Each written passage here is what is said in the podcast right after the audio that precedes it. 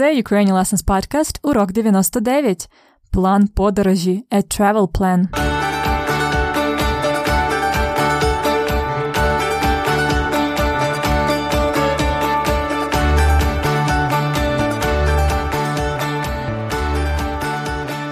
Привіт-привіт! Це Анна, ваша вчителька української, і ви слухаєте 99-й епізод подкасту Уроки української. Аж не віриться, що це вже 99-й урок. А це також означає, що наступного разу буде епізод 100, ваш сотий урок української. Як кажуть в Україні, він буде ювілейний. Це буде особливий святковий урок. А поки що хочу привітати всіх, хто вже почав святкувати з Різдвом Христовим і з Новим роком. Бажаю вам щастя, здоров'я і достатку у 2019 році, а також, звісно, бажаю прогресу у вивченні української мови. Більше привітань чекають на вас наступного уроку. А зараз ми будемо починати наш 99-й урок. Це буде урок повторення. Сьогодні ви будете слухати голосове повідомлення про план подорожі Христини на зимових канікулах, а також ви будете відповідати на запитання і повторювати майбутній час. Готові починати? In English now, I want to wish Merry Christmas and Happy New Year to everyone who is celebrating now. Щастя, happiness, здоров'я, health, достатку, prosperity. These are the things I wish you to have in 2019. You can wish this to your Ukrainian friends too. Щастя, здоров'я, достатку. I cannot believe that this is already the 99th lesson. So next time and very soon, the episode number 100 is coming. As we say in Ukraine, it will be ювілейний episode, a jubilee, an anniversary episode. It will be a special, festive lesson. And now let's start another урок повторення, the review lesson. Today you will listen to the voice message about the Christina's plan for the trip with her mom during the winter holidays. As always, there will be questions for listening comprehension, and this time I have 11 questions for you. So sit back, relax, and enjoy this Ukrainian lesson. Якщо ви слухали попередні епізоди, то ви маєте знати, що до американки Христини, яка живе в Києві, приїде її мама з Америки, і вони будуть подорожувати. Христина надсилає мамі останнє голосове повідомлення перед її приїздом в Україну. Коли ви будете слухати це повідомлення, спробуйте знайти у ньому відповіді на запитання. Намагайтеся відповідати на всі ці запитання тільки у майбутньому часі. Today you should try to answer all 11 questions about the voice message using only the future tense, different types of the future tenses. You can also find the questions and the place to write down the answers on the page 2 of the lesson notes. And I will also tell you these questions now. Запитання 1. Коли мама Христини прилітає до Києва? Коли мама Христини прилітає arrives by flying Remember, you will use the future tense to make an answer. Коли мама Христини прилітає до Києва? Запитання 2. Який план на перший день в Києві? План на перший день в Києві. What's the plan for the first day in Kyiv? Запитання 3. На який поїзд сядуть Христина з мамою? Сісти на поїзд literally to sit on the train or to take a train. Коли вони сядуть на поїзд? Коли? Запитання 4. Як вони поїдуть на вокзал? How, by what means? Вони поїдуть на вокзал. Запитання 5. Що вони будуть робити в Коломиї? Коломия це місто в Івано-Франківській області. Що вони будуть там робити? Запитання 6.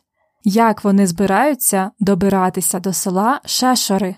Збираються going to добиратися to get, to reach. Як вони збираються добиратися до села Шешори? Запитання 7. Про що Христина домовилась з пані Марією? Запитання 8. Які традиційні карпатські страви збирається спробувати Христина? Які традиційні карпатські страви збирається спробувати Христина? Запитання 9. Що Христина з мамою будуть робити у Львові? Просто. Запитання 10. Коли вони збираються повернутися до Києва? Збираються again going to повернутися to come back. Коли вони збираються повернутися до Києва? І одинадцяте запитання. Що каже Христина наприкінці? Вона каже: Скоро ми угу, і досхочу. Угу. Вам треба заповнити ці пропуски fill in the blanks. Досхочу means a lot to one's heart's content. Скоро ми угу, і досхочу. Угу. Це одне з останніх речень, добре? Так, багато запитань, але це велике голосове повідомлення, тому ви готові його слухати? Почнімо. Привіт, матусю! Мені аж не віриться, що вже завтра ти прилетиш до Києва. Розповім тобі більше про маршрут і план нашої подорожі. Заберу тебе з аеропорту, і ми поїдемо до мене на квартиру. Ти трохи відпочинеш після перельоту. Нарешті познайомлю тебе з Лесею, якщо вона буде вдома. Пізно ввечері ми сядемо на нічний поїзд Київ Івано-Франківськ. Я взяла квитки заздалегідь, бо, як сказала Леся, перед святами їх розбирають як гарячі пиріжки. Тож я вже взяла пиріжки, тобто квитки. З дому, думаю, візьмемо таксі на вокзал, виїдемо раніше, про всяк випадок. Ми проведемо в дорозі 10,5 годин. Сподіваюсь, виспимося за цей час. Вранці приїдемо в Івано-Франківськ, далі доберемося автобусом до Коломиї. Ти чула про музей писанок в Коломиї? Я загуглила в інтернеті інформацію про нього. Як на мене, дуже цікавий музей. Думаю, відвідаємо його. А з Коломиї доберемося автобусом до Шешор. Шешори це велике гуцульське село. Кажуть, дуже мальовниче місце. Пані Марія, господиня садиби, зустріне нас і заведе до будинку, все розкаже і покаже. Будемо жити у кімнаті на горищі. Мабуть, там буде чудовий краєвид з вікна. Я домовилася з пані Марією, що будемо снідати та вечеряти у неї. Я дуже хочу спробувати традиційні карпатські страви: банош, рибну юшку, вареники з бринзою. По телефону мені здалося, що пані Марія дуже приємна жінка, і вона пообіцяла, що зробить нам невеличку знижку. А взагалі, ціни на житло в Карпатах в період свят вдвічі вищі, ніж зазвичай. Ми проведемо в Карпатах 5 днів, зустрінемо там Новий рік, а на Різдво поїдемо до Львова. Леся каже, що різдвяна атмосфера у Львові просто фантастична. Вуличні вертепи, різдвяний ярмарок, фестиваль пампухів. А ще ми підемо на різдвяний концерт в оперному театрі. Я вже придбала квитки. У програмі не тільки українські колядки щедрівки, а й різдвяні та новорічні пісні народів світу. Ой, я вже не можу дочекатись. 8 січня ми повернемося зі Львова до Києва. Мені пощастило взяти квитки на швидкий поїзд Інтерсіті. Виїдемо о 6 ранку, а вже об 11 будемо в Києві. Всього 5 годин. А ввечері вже твій рейс. Ну, гаразд, не буду забирати у тебе багато часу. Скоро ми побачимось і досхочу наговоримось. Сподіваюсь, ти вже допакувала свою валізу. Бажаю щасливої дороги, мамо. До зустрічі! Ось така буде подорож у Христини і її мами. Дуже цікаво, як на мене. Шкода, що у них не буде багато часу, щоб відвідати інші цікаві місця. А зараз ви готові відповідати на запитання? Я буду залишати для вас місце. I will be leaving space for your answers. Remember to answer only using the future tenses. Запитання 1. Коли мама Христини прилітає до Києва?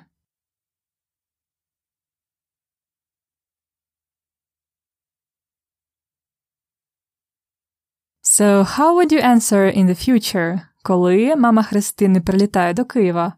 Мама Христини прилетить до Києва вже завтра. Вона прилетить до Києва вже завтра. Добре. Запитання 2. Який план на перший день в Києві?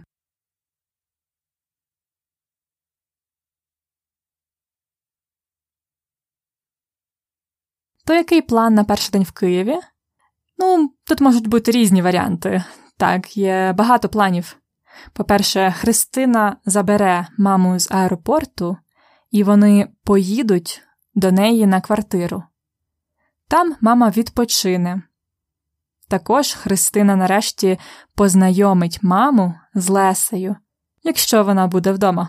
Ось такий план на перший день в Києві. Запитання 3. На який поїзд сядуть Христина з мамою?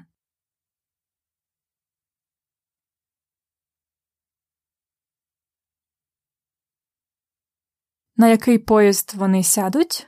Вони сядуть на нічний поїзд Київ Івано-Франківськ. Нічний поїзд A Night Train. Вони сядуть на нічний поїзд Київ Івано-Франківськ. Христина взяла квитки заздалегідь in advance.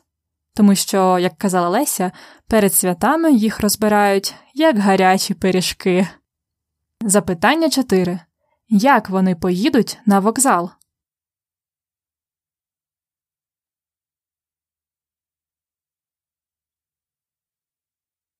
То як вони поїдуть на вокзал? В майбутньому часі вони візьмуть таксі. Вони візьмуть таксі на вокзал. Брати це to take. У майбутньому часі я візьму, ти візьмеш. Вони візьмуть. Вони візьмуть таксі на вокзал. Вони виїдуть раніше про всяк випадок. Just in, just in case they will leave early. Запитання 5. Що вони будуть робити в Коломиї?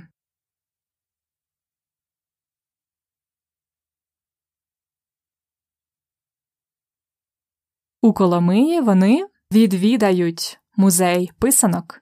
Вони відвідають музей писанок. They will visit музей of писанки. Христина загуглила в інтернеті інформацію про нього, і їй здається, що це цікавий музей. Запитання 6. Як вони збираються добиратися до села Шешори?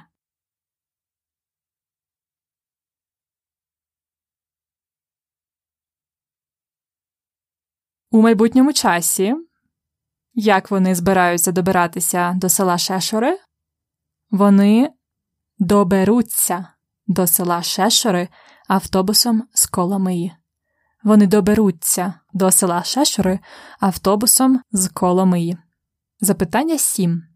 Про що Христина домовилась з пані Марією?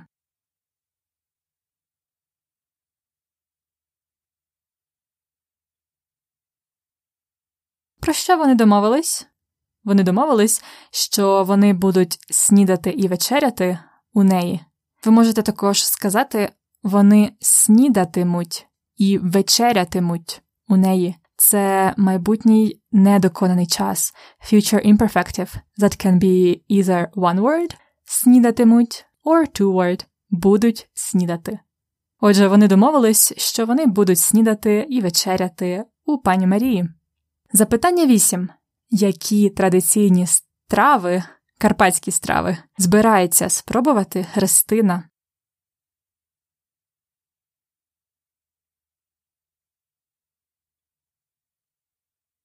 У майбутньому часі які страви збирається спробувати Христина?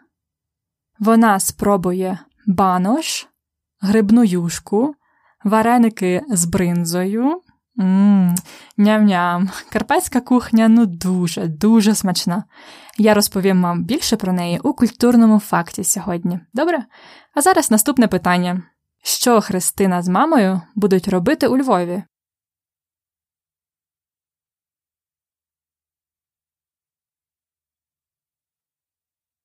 Що вони будуть робити у Львові? Вони підуть на різдвяний концерт в оперному театрі.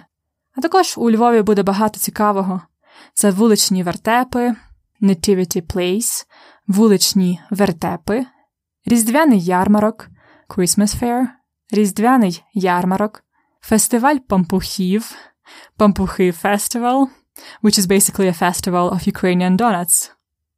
Добре, запитання 10 коли вони збираються повернутися до Києва.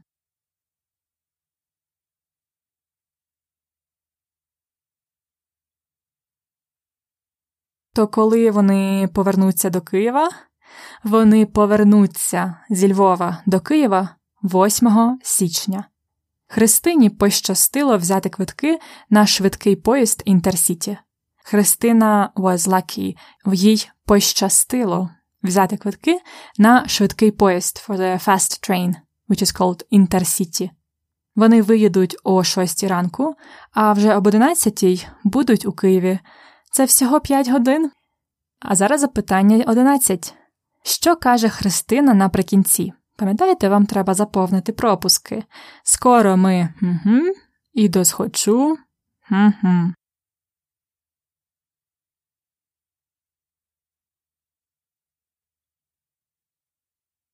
То Христина каже: Скоро ми побачимось і досхочу, наговоримось.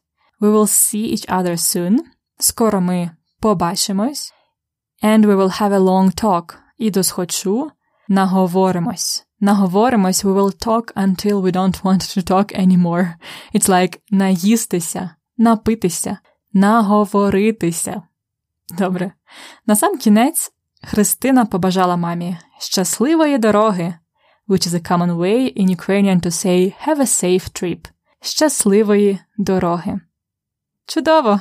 Якщо вам було важко відповідати на запитання, ви можете переслухати, тобто послухати ще раз це голосове повідомлення і спробувати знову. А зараз просто послухайте ще раз повідомлення Христини. Привіт, матусю! Мені аж не віриться, що вже завтра ти прилетиш до Києва. Розповім тобі більше про маршрут і план нашої подорожі. Заберу тебе з аеропорту, і ми поїдемо до мене на квартиру. Ти трохи відпочинеш після перельоту. Нарешті познайомлю тебе з Лесею, якщо вона буде вдома.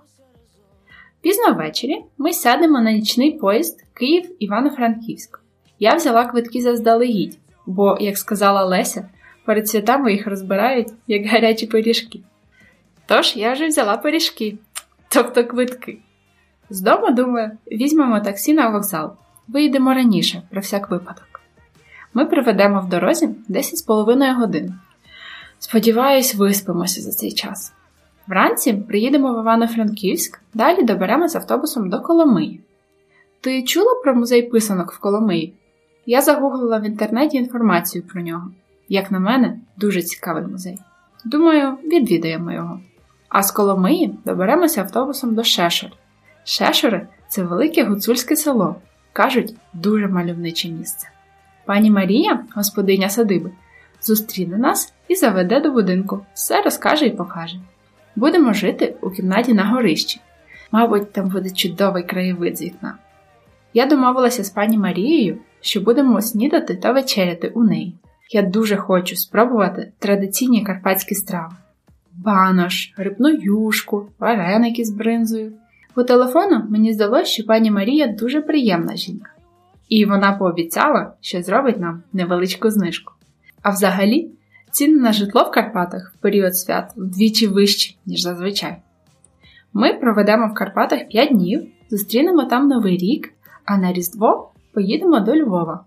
Леся каже, що різдвяна атмосфера у Львові просто фантастична. Вуличні вертепи, різдвяний ярмарок, фестиваль пампухів. А ще ми підемо на різдвяний концерт в оперному театрі. Я вже придбала квитки. У програмі не тільки українські колядки щедрівки, а й різдвяні та новорічні пісні народів світу. Ой, я вже не можу дочекатись. 8 січня ми повернемося зі Львова до Києва. Мені пощастило взяти квитки на швидкий поїзд Інтерсіті. Виїдемо о 6 ранку, а вже об 11 будемо в Києві. Всього 5 годин. А ввечері вже твій рейс. Ну, гаразд, не буду забирати у тебе багато часу. Скоро ми побачимось і досхочу наговоримось. Сподіваюсь, ти вже допакувала свою валізу. Бажаю щасливої дороги, мамо. До зустрічі!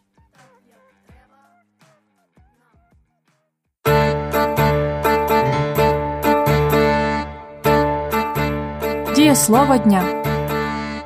Послухайте уривок діалогу з дієсловом дня. Ти чула про музей писанок в Коломиї? Я загуглила в інтернеті інформацію про нього. Як на мене, дуже цікавий музей. Христина питає: Ти чула про музей писанок в Коломиї? Вона загуглила в інтернеті інформацію про нього. І це, здається, цікавий музей. Сьогоднішнє дієслово дня гуглити або гуглити. Або you can also say with g гуглити, гуглити. And it means to Google, to search on the internet.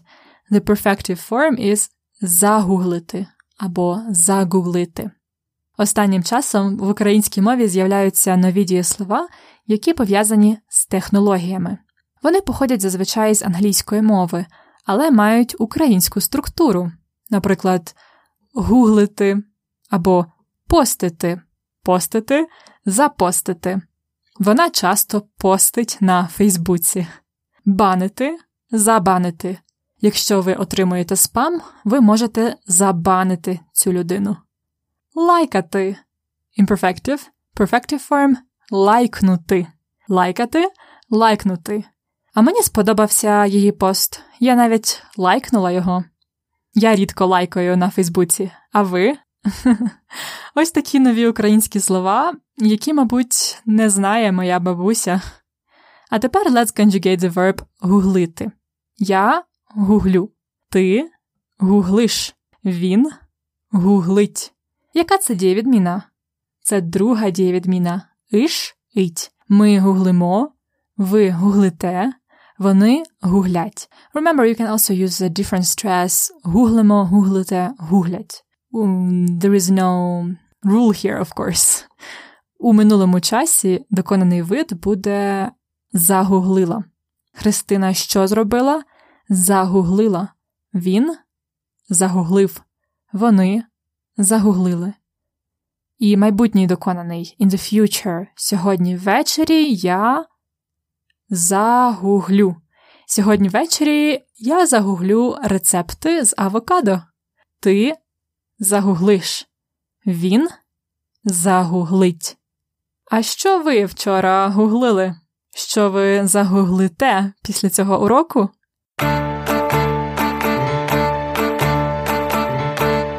Фразологізм дня. Сьогодні у нас два фразологізми дня, які означають практично те саме. We have two idioms which are practically synonymous. It's не могти дочекатись плюс родовий відмінок with genitive, can't wait or can hardly wait. Не могти дочекатись. І чекати з нетерпінням на плюс знахідний відмінок with accusative. Чекати з нетерпінням на to wait impatiently for, to look forward to. Христина не може дочекатись приїзду своєї мами. Або Христина з нетерпінням чекає на приїзд своєї мами. Христина is looking forward to her mom's arrival. А я не можу дочекатись сотого епізоду подкасту. Genitive. Або я з нетерпінням чекаю на сотий епізод подкасту. Accusative. I can't wait for the 100th podcast episode. Я не можу дочекатись сотого епізоду подкасту. Я з нетерпінням чекаю на сотий епізод подкасту. А ви?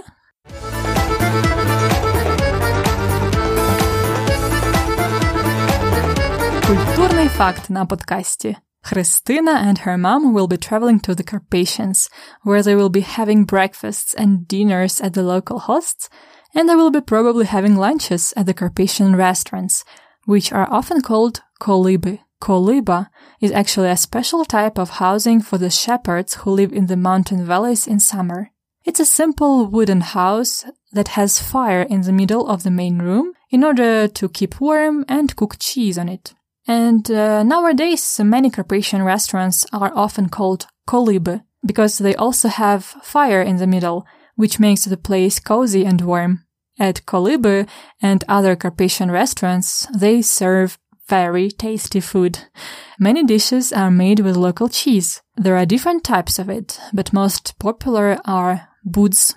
Buds. It's made by traditional way of fermentation on the mountain valleys, na. Another type of cheese is vurda. Vurda is a little bit um, more sweet. And uh, the other very popular type of cheese is brinza. It's uh, aged salty cheese. I recommend you go on the excursion to Polonina, a mountain valley. There you can see how the cheeses are made by shepherds. One of the most delicious dishes on earth is cooked in the Carpathians with cheese and corn flour. It's kind of polenta in Italy or mamaliga in Romania, but of course better. It's called banosh, and its secret is in sour cream in which they boil this corn. Banosh can be served with brinza, with wild white mushrooms, or shkvarky, which are crunchy bits of pork fat. Mmm, smakota. There are plenty of other delicious dishes in the Carpathians. You have to try their soups to warm up. Salads are fresh and good too. Also, try everything with mushrooms if you like them, as they are usually wild mushrooms from the forest. And if you like fish, you could have uh, grilled trout. In Ukrainian it's forel. Ммм, аж захотілося знову в Карпати. Ласкаво просимо до України.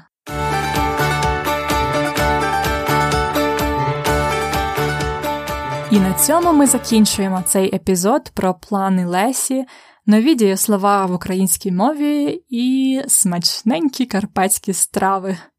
Сподіваюся, ви обов'язково приїдете в Карпати і скуштуєте банош. А наступного разу епізод 100, і він буде дуже скоро.